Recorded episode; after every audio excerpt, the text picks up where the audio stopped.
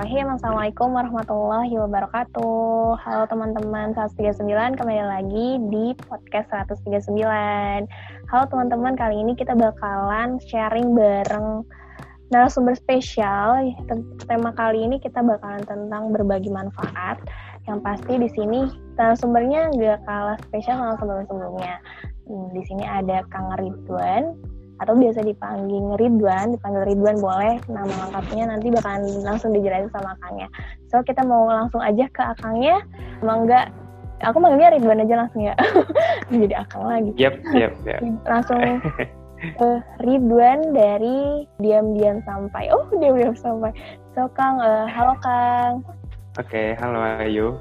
Ridwan, eh, kebetulan makasih sebelumnya atas waktunya kita di sini mau sharing-sharing nih ke teman-teman pendengar dari 139 terkait uh, inovasi tentang diam-diam sampai nih. Sebenarnya ini tuh kayak gimana sih? Kita kepo banget. Dan tapi sebelumnya kita pengen dari Ridwan sendiri kenalan dulu ke teman-teman. Sok mangga Kang. Boleh kenalan dulu. Oke, ya Ya, makasih juga udah diundang di podcast ini. Perkenalkan uh, buat teman-teman semua, nama saya Ridwan Aman Fauji, panggil aja Ridwan. Saya lulusan mahasiswa tahun 2019, itu karena D3 awal kuliah tahun 2016 di Depok, sekarang posisi ada di Bandung, balik lagi ke kampung halaman, balik lagi ke Bandung. Wih, berarti orang Bandung nih Kang yang kemarin habis ini ya abis jadi orang Jakarta orang ke Jakarta Jakartaan ya sedikit sedikit melancong melancong lah. Lumayan lah melancongnya lumayan ke Jakarta gitu ke daerah Depok. Ya Kang eh, kebetulan nih di sini kita mau ngangkat temanya tentang berbagi manfaat. Di mana di sini kita pengen kepo banget sih Kang sebenarnya sama eh, komunitas yang akan buat sendiri yang sebenarnya mungkin ini komunitasnya punya misi yang luar biasa gitu ya. Nah, makanya di sini kita mau ngundang akan buat sharing-sharing bareng pendengar terkait dengan komunitas ini. Tapi sebelumnya Kang pengen tahu komunitas apa sih yang akan bikin sebenarnya? Coba coba Kang sharing-sharing dulu. Oke, uh, oke, oke, okay, cerita cerita dulu sejarahnya ya gini. Sebenarnya diam-diam sama itu bukan bukan komunitas atau apa ya kumpulan orang-orang bukan juga jadi ceritanya diam-diam sampai itu awalnya adalah backpacker. Saya sama teman-teman saya sama Sandra sama Luther tahun 2019 bulan Februari. Jadi sebelum sebelum kita wisuda itu backpacker dulu tuh ke NTT. Nah, backpackernya itu sekitar 16 hari dari awal keberangkatan dari Jakarta, terus lewat ke Bali, Lombok, Sumbawa, sampai ke NTT. Nah, kenapa dibilang diam-diam sampai? Sebenarnya ini filosofis sih, agak-agak filosofis.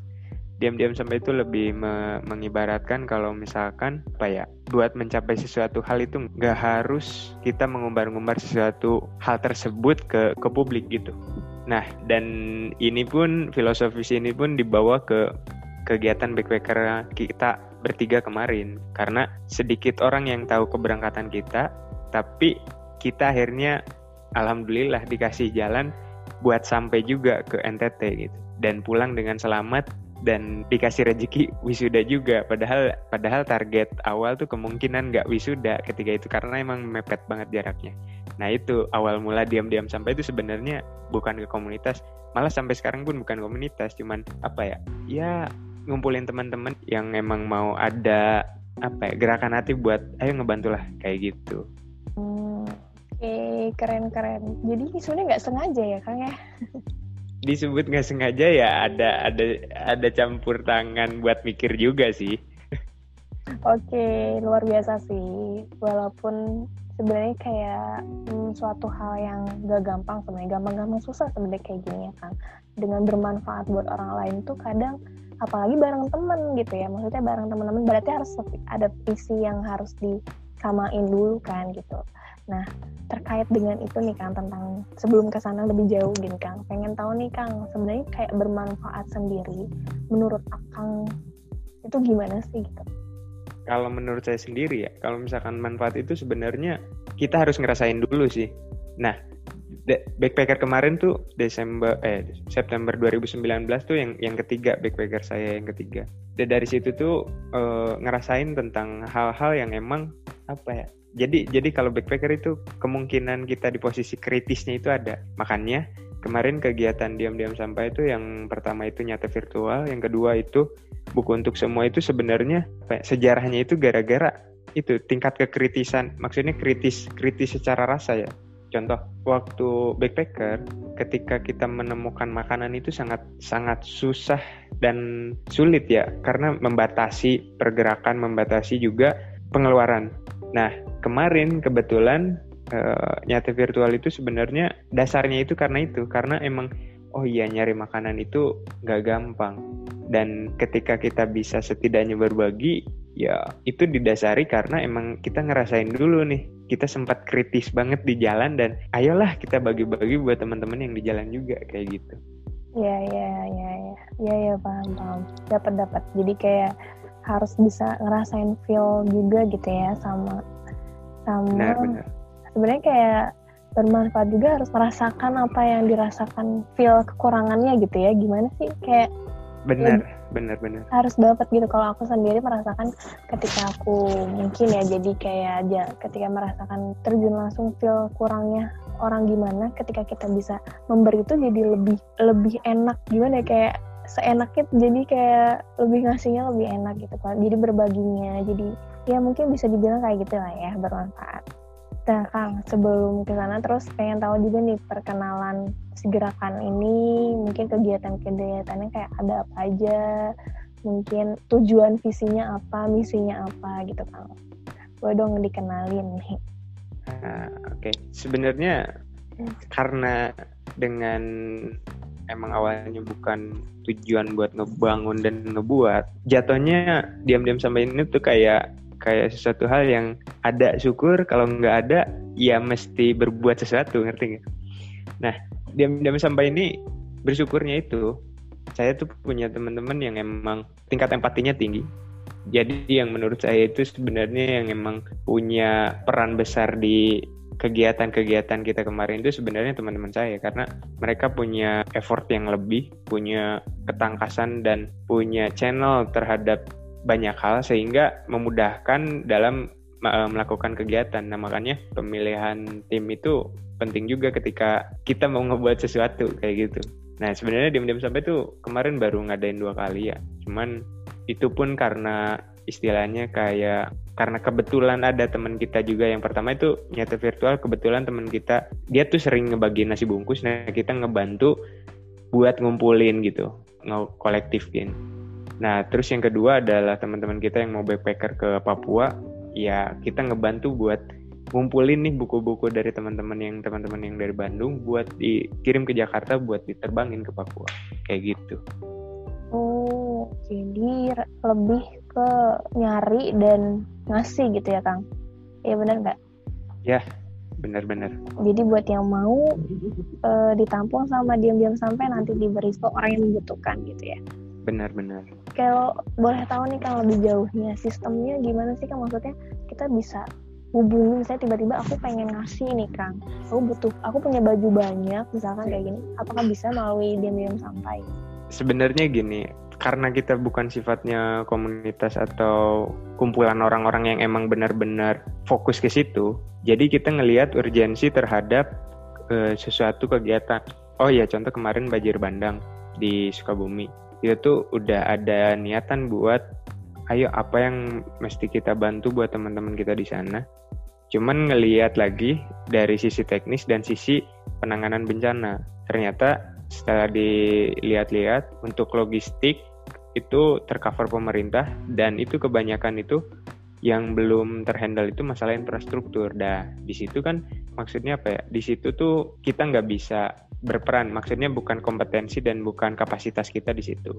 Makanya kita ngelihat juga urgensinya itu seperti apa. Contoh, ketika kita nyata virtual itu kemarin urgensinya karena sedikit banget orang yang emang mau berbagi tentang makanan, khususnya daging kurban ke teman-teman kita yang emang tunawisma gitu. Dan yang selanjutnya adalah buku untuk semua. Buku untuk semua ini dikhususkan buat teman-teman kita yang ada di Flores, Maluku, dan Papua. Itu kenapa kita emang mau benar-benar buat ngejar target itu biar dapat buku banyak dan bagus ya dan donasi yang emang ya cukup gitu.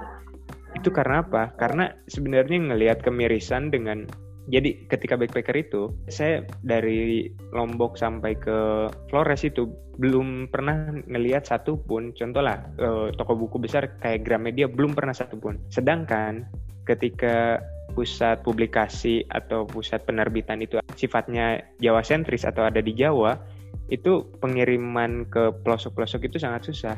Nah makanya itu tuh dari hati kita tuh oh iya benar.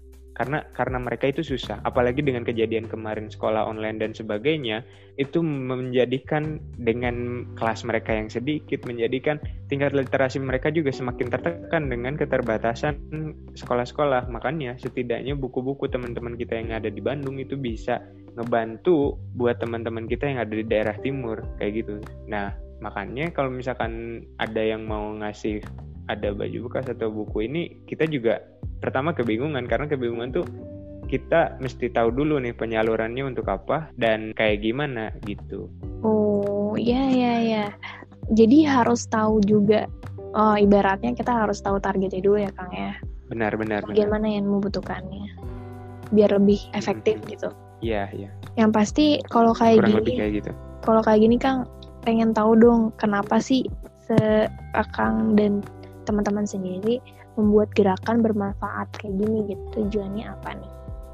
Um, kalau kalau saya boleh bilang ya, saya itu sebenarnya bukan orang yang wah dan sebagainya. Makanya saya itu mencoba menjadi setidaknya berguna buat lingkungan saya gitu. Nah, saya ngelihat teman-teman saya yang punya kapasitas yang cukup bagus, ngelihat teman-teman saya yang punya empati yang tinggi, iya saya kumpulin mereka semua.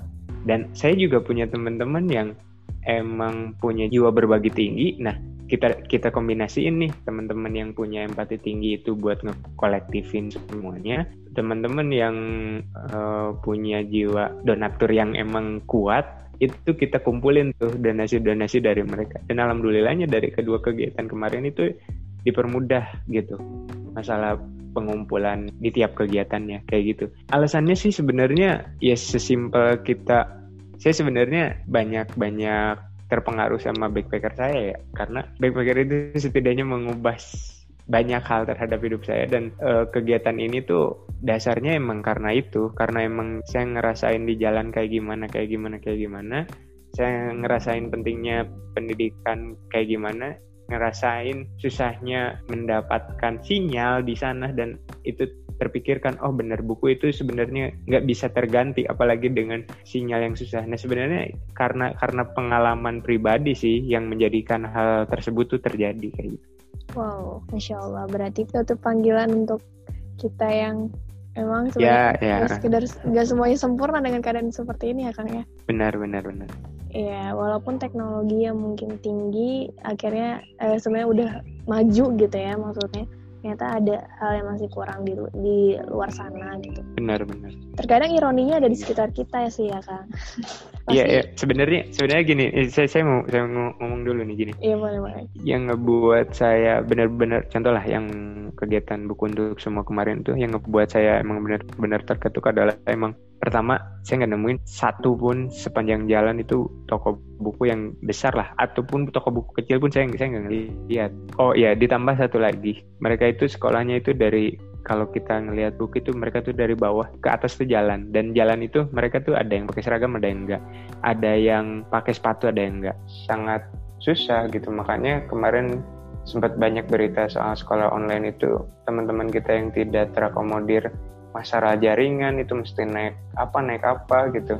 Buat mendapatkan sinyal kan mirisnya tuh di situ. Nah teman-teman kita yang ada di Bandung ini ya khususnya di Bandung ya karena emang emang cakupan teman-teman diam-diam sampai itu di situ.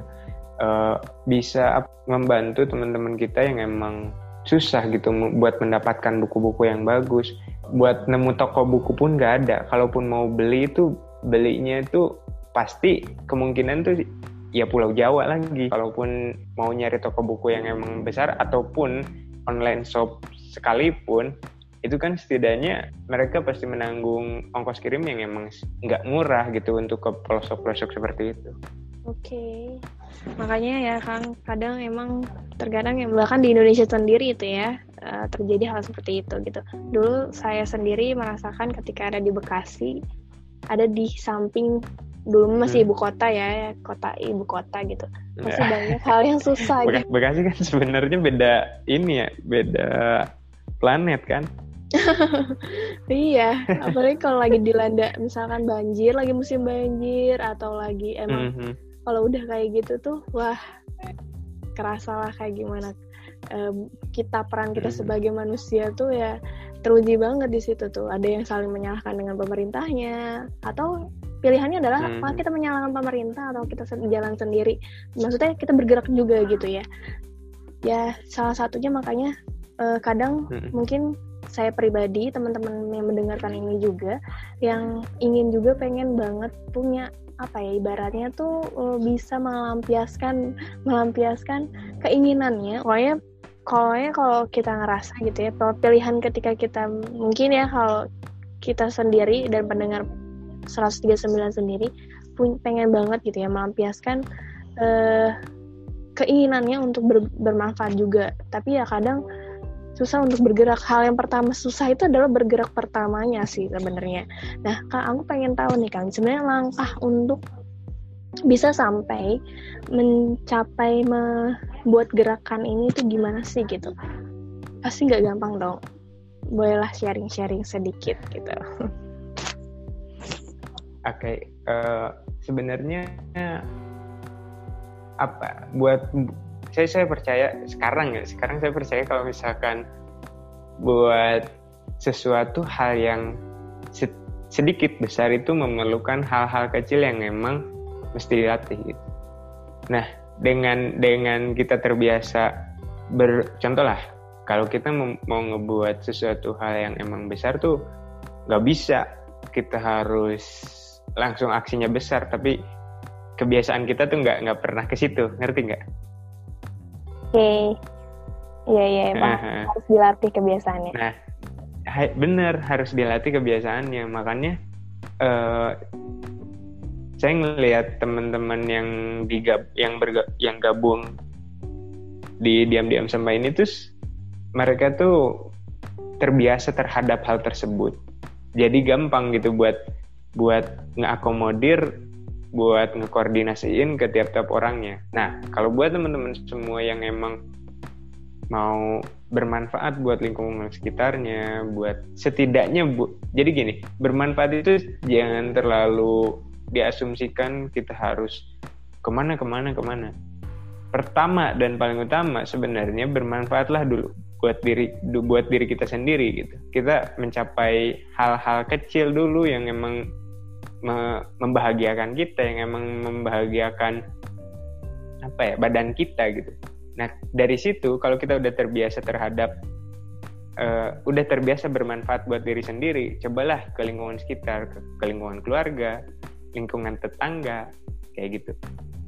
Makanya kalau misalkan kita mau ngebuat sesuatu hal yang emang besar, ya mesti terbiasa dulu terhadap hal-hal kecil kayak gitu, biar nggak kaget sih sebenarnya. Pasti pasti gini orang tuh kalau mau langsung gede dia tuh pasti nggak akan kuat dan nggak pasti nggak akan bisa ngehandle terhadap banyak hal. Pasti kepusingan dan emang emang kacau gitu. Nah dengan kita terbiasa hal kecil tuh ya kita bisa ngehandle yang emang benar-benar sebelumnya kita belum pernah megang.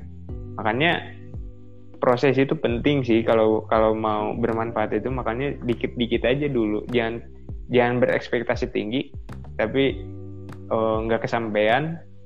Yang penting sedikit-sedikit tapi emang kamu bisa gitu ngejalanin kayak gitu. Dimulai dulu dari hal yang kecil ya Kang tadi. Dari kecil-kecil itu. Mungkin bagi pendengar atau mungkin kadang terjadi juga di aku sendiri. Mungkin susah merubah hal yang kecil ini gitu kan. Nah gimana sih Kang bikin apa ya tips sedikit-sedikit dari dari Akang gitu ya e, bisa mulai ngubah mungkin kita orangnya egois terlalu egois gitu kan atau atau tipikal yang baperan atau gimana ketika baru mulai di komen dikit uh, jat ngebalik apa balik lagi nggak mau lagi gitu. Nah ini gimana nih Kang? Kalau kita tuh masih pengen bermanfaat gitu tapi kenapa sih mulai laginya susah atau enggak? Malah buat mulainya ini susah gitu kan. Mulai dari kebiasaan kecilnya. Gimana nih kang caranya gitu? Nah sebenarnya ini masuk juga nih kesebutan diam-diam sampai. Diam-diam sampai sebenarnya bisa ditiru buat banyak orang gitu. Coba kalau misalkan kalian gak pede terhadap ngerjain sesuatu hal coba kalian planning dulu. Maksudnya terhadap hal kecil dulu ya planning dulu terus kalian rasa yes setidaknya 70% oke okay, baru kalian lakuin.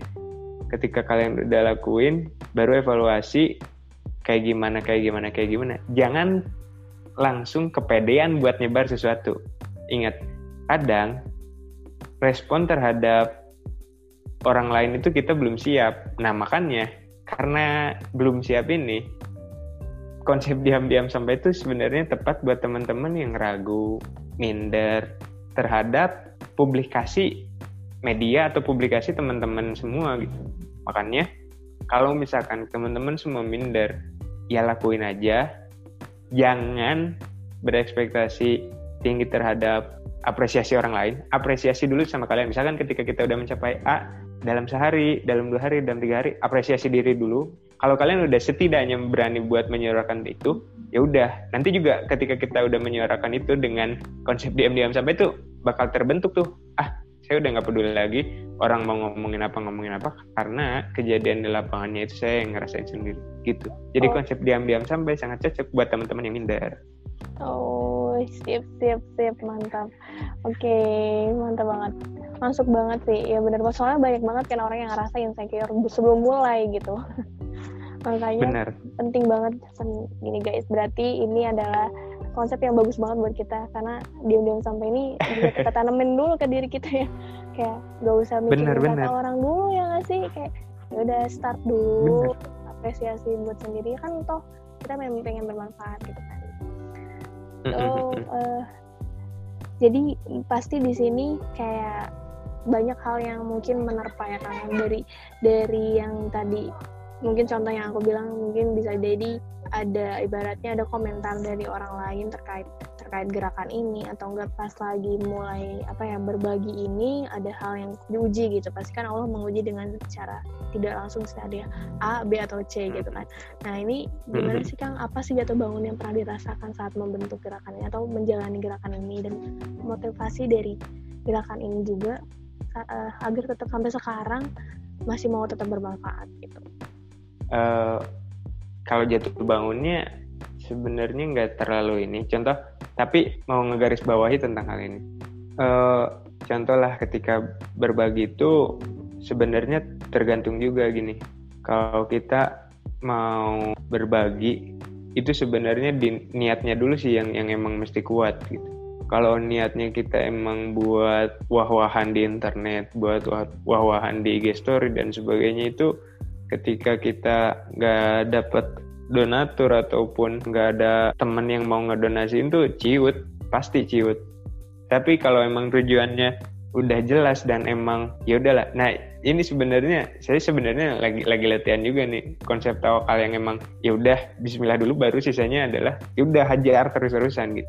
Nah baru dari situ tuh ngerasain oh emang iya ya. Kalau emang kita diniatin emang bener lurus tuh ada aja jalan buat benernya. Sebenarnya uh, saya saya nggak nggak terlalu khawatir sih buat kegiatan-kegiatan kemarin. Cuman saya saya mau jatuh bangunnya itu ketika backpackernya ini. Sebenarnya gini, back, orang yang backpacker itu sebenarnya banyak banyak banget gitu. Ataupun yang pergi ke mana jalan-jalan, traveling dan sebagainya sebenarnya banyak. Cuman yang saya rasain adalah bersyukurnya ketika emang diberi waktu dan keadaan yang kritis, ketika pulang dari backpacker tuh saya saya mikir gitu oh kenapa ya saat itu tuh kayak gini? Oh kenapa ya uh, diujinya kayak gini? Oh kenapa ya jalan keluarnya ini? Nah dari situ tuh ke kebuka tuh semuanya banyak hal tuh kebuka.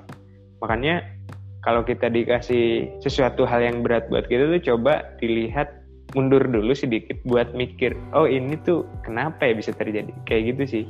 Jadi emang lebih ke apa pun yang terjadi terhadap diri kita pasti ada alasannya di balik itu semua kayak gitu.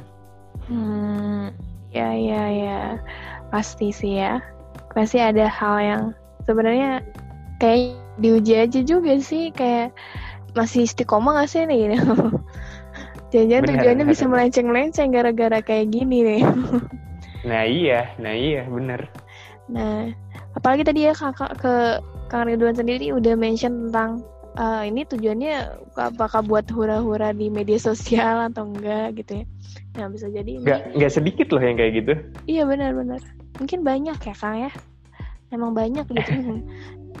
Sekitar kita yang masih kayak berbagi tapi masih mengharapkan mungkin apresiasi dari orang lain. Padahal masih ada esensi besar dalamnya kayak kayak misalnya dengan uang seribu atau dengan senyuman sendiri buat orang lain yang mungkin hal banyak orang yang sedang susah sekarang apalagi dengan masa corona Bener. kayak gini banyak banget ya Kang ya mungkin teman-teman yang pengen mm -hmm. banget juga sekarang menanam menanam apa ya ibaratnya eh, benih-benih amal dari sekarang mengharapkan ridho Allah itu yang paling utama sih yang paling enak lah paling nggak nggak perlu mikirin julitan netizen gitu. Bener. Bener emang bener itu. Ya udah jadi banget. santuy ya nggak sih? Kayak gitu. Jadi ya udah berbagi berbagi aja gitu. Nggak perlu mikirin kata orang lain. Jatuh bangun tadi yang kang Ridwan bilang juga kalau kita berbagi mikir orang tiba-tiba donatur dihilangin wah kita bingung juga gitu kan ya. Mm -hmm, bener so motivasi yang bagus banget buat kita. Nah Kang uh, mungkin ini agak terakhir juga sih. Dari Akang sendiri dari Kang Ridwan sendiri dan timnya dan gerakannya ini punya pesan nggak buat pendengar podcast kita? Buat mungkin ada motivasi sedikit buat kita. Mau uh, apa nih Kang? Mungkin ada pesan-pesan buat kita. Jadi gini uh, pesan pesan dari saya sih sebenarnya hmm, buat teman-teman semua saya tuh sebenarnya baik-baik banget. Nggak nggak baik nggak gitu. Jadi apa ya buat teman-teman semua kalau emang punya niatan mau berbagi pasti ada jalan gitu. Coba lakuin dulu coba uh, planning dulu maksudnya desain dulu planning dulu terus lakuin dulu. Kalau kalian emang nggak siap buat apa ya diomongin orang lain bla bla bla bla dan sebagainya coba kalian jalan dulu bener-bener diam bener-bener kalian ngelaksanain itu tuh emang cuman kalian aja yang tahu. Terus coba nyebar ke dua orang sama teman kalian tambah bertiga tambah berempat dan sebagainya. Terus kalian udah berani ngepublikasiin dan kalian itu nanti bakal terbiasa buat ngerjain sesuatu nggak atas omongan orang lain. Makanya teman-teman yang emang ngerasa minder terhadap melakukan sesuatu diam-diam sampai. Kalian ngerjain sesuatu secara diam-diam dan sampai terhadap tujuan kalian itu sendiri. Itu sih lebih ke situ pesannya. Oh dan satu hal lagi, ada satu hal yang emang selalu ada di pikiran saya tuh selama hidup udah berbuat apa. Nah itu yang ngebuat besok apa lagi nih, besok apa lagi nih, besok apa lagi nih. Makanya jangan cepat berpuas diri. Kebaikan kita tuh kita selalu mengharap kebaikan kita diterima, tapi kita jangan merasa kebaikan kita pasti diterima dengan embel-embel harapan-harapan kita terhadap orang gitu. Oke, luar biasa. Wow, ngena banget tuh. Langsung jelek gitu. Wah, udah ngapain aja nih. Apalagi udah umur 20-an gini ya. Kita nggak tahu kapan Aduh. berimpact ya. Aduh. So uh, semoga sangat memotivasi buat pendengar, buat kita sendiri terutama, buat pendengar. Tidaknya bermanfaat. Tidaknya bisa bermanfaat, insya Allah. Diam-diam sampai ya Kang. Tapi aku penasaran banget nih Kang, beneran ini mah. Uh, ini sebenarnya luar konteks sih. Penasaran kenapa yeah, yeah. bisa dap diam-diam sampai kayak okay. aku kira kayak pernah denger tapi kayak di iklan-iklan gitu gitu loh. Jadi jadi sebenarnya diam-diam semua itu gini eh, keberangkatan backpacker itu saya Sandra sama Luther bertiga tuh Sandra ini salah satu perempuan di di tiga orang itu termasuk saya. Nah, jadi keadaannya itu saya sama Sandra itu sekelas dan Luther tuh beda kelas saya ngelihat kalau misalkan kebiasaan mengumbar-umbar sesuatu tuh kadang berujung ketidakenakan. Terus saya punya syarat buat Sandra sama Luther sebelum keberangkatan. Saya bilang, oke okay, eh, kita berangkat, tapi satu syaratnya, nggak ada yang tahu selain orang tua. Yang kedua, nggak posting instastory selama perjalanan. Deal nggak? kalau deal kita berangkat, kalau nggak deal kita nggak berangkat. Itu lebih ke penanaman kalau misalkan kita tuh mesti menikmati nih proses kita. Kita mesti menikmati diam-diam kita nih. Menikmati apa ya namanya pembentukan kita sendiri. Gitu. Barulah sampainya itu nanti yang kita petik sebagai bonus. Dari sebenarnya dari diam-diamnya ini sendiri tuh benar-benar reward buat kita kita jadi berkembang kita jadi bertumbuh nah alhamdulillah KNTT-nya ini sebagai bonus aja tapi diam-diamnya ini yang sebenarnya ngebantu kita kayak gitu jadi makanya kalau misalkan teman-teman ngerjain sesuatu secara diam-diam dan gagal diam-diamnya itu sendiri pun sebenarnya udah menjadi hadiah buat kalian sendiri dan sampainya itu sebenarnya buat bonus buat kalian Wah, bener banget. Aku langsung cuma dua kata itu. Bener banget sih. bener banget. Tapi emang kerasa lebih enak sih kalau diem-diem tuh kan. Emang bener-bener. Ya luar biasa banget. Yep, benar. Luar biasa banget sharingnya. Uh, dan langsung ngena banget insya Allah. Semoga bisa bermanfaat ya diem-diem sampai ke amin, amin. hati gitu karena dengan berbagi ini kita pengen balik lagi pokoknya tujuannya pengen saling ngetin ke jalan yang benar ke jalan yang Allah ridhoi. Yang pasti kadang kita yang suka manusiawi ya kadang melenceng-lenceng kadang suka lupa. Yeah. dan semoga ini obrolan kayak gini bisa mengingatkan kita gitu. Amin amin amin. Amin ya Allah amin. Btw sorry aku jadi balik lagi ke Kang karena kebiasaan banget gak bisa dihilang iya nggak apa-apa nggak apa-apa. Itu kayak jadi kayak ngobrolnya biar biar lebih apa ya kebiasaan aja ngomongnya jadi kayak ke Kang Kang gitu Oke, okay, paling gitu aja sharing luar biasanya dengan Kang Ridwan yang insya Allah semoga yep. bermanfaat buat teman-teman pendengar di sini, amin, buat kita sendiri. Jangan lupa buat uh, mungkin evaluasi evaluasi diri kita merenung mundur sejenak ya, mundur sejenak, diam sejenak. Benar. Untuk merenungi, oh apa aja sih yang udah kulakukan? Ah, gimana cara majunya? Apa evaluasinya? Itu sih sebenarnya kita perlu kayak gitu ya. Makanya Rasulullah sendiri aja makanya. Iya benar, perlu banget uh, main diam diri di gua hero dengan tahajud gitu ya kayak nah, hero. nah. dengan cara itu dengan cara itu kita bisa mendapatkan mungkin ketenangan gitu ya insya Allah gitu uh, semoga bermanfaat sekali lagi aku ucapin terima kasih sebesar besarnya kepada yep, sama-sama. buat Kang Ridwan dan tim dan tim Gerang semoga terus berjalan terus berjalan terus semoga semoga dipermudah terus ke depan-depannya dan aku Amin. Oh iya satu lagi aku mau minta IG-nya diam-diam sampai ini ada nggak kang? Btw ada. Oh kalau sebenarnya belum belum. Itu tuh nggak ada. Sebenarnya kemarin tuh nggak ada niatan buat di ada eh nggak ada niatan buat kegiatan kayak ngeteh virtual dan buku suku untuk semua. Mm-hmm. nah cuman kemarin tuh ketika pulang dari backpacker tuh saya saya ngebuat merchandise. Nah dibuatlah IG at diam sampai. Nah hmm. karena karena ada kegiatan ini tuh jadi kepikiran oh ya udah lebih biar lebih setidaknya berguna sedikit ya udah kayaknya ini ini akan akan menjadi sesuatu hal yang menarik nih ke depan ke depannya. Makanya buat teman-teman semua kalau mau follow IG diam-diam sampai bisa di app diam sampai. Nanti kita lihat ada apa aja di sana. Ya mudah-mudahan sedikit berguna Amin, ya amin. At diam sampai. Nanti biar kita uh, pas lagi mungkin sharing-sharing bareng, maksudnya pas sharing di media sosial biar sampai juga gitu diam-diam sampai, biar sampai juga ke teman-teman okay, pendengar. Semoga yang pasti yang pasti obrolan ini benar-benar semoga bermanfaat, semoga bisa mengena dalam hati, diam-diam sampai masuk ke hati gitu ya entah melalui apa Allah Allah memberi jalannya gitu. Semoga yes. bisa merubah kita merubah membawa kita yang mungkin tangan-tangan yang tidak sampai ini sampai ke teman-teman yang membutuhkan. Amin. Amin. Amin. Oke paling gitu aja dari kita. Uh, mungkin ada jargon dari belum sampai oh ada ada ada ada. Gini gini gini. Bentar, gimana, gimana?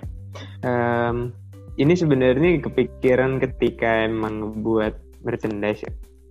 Jadi bukan jargon sih, lebih ke satu kalimat yang emang bener-bener tagline kali ya. Disebut tagline gak juga, soalnya kalimat yang cukup panjang. Jadi apa sih yang menurut saya tuh diam-diam sampai itu kalau mau nusuk orang tuh pakai apa nih? Kalau kalau secara fisikal itu kita nusuk orang pakai pisau, Nah, di diam-diam sama ini tuh nusuk orang pakai satu kalimat yang emang benar-benar dalam. Gini, ada baiknya rencana tak perlu banyak dibicarakan.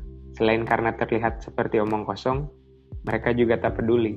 Makanya itu tuh sangat dalam buat saya pribadi dan ternyata itu tuh berguna juga buat temen-temen yang emang oh iya ya kalau kita ngelakuin buat orang lain tuh kemungkinan mereka juga sebenarnya nggak peduli gitu oh gila nusuk.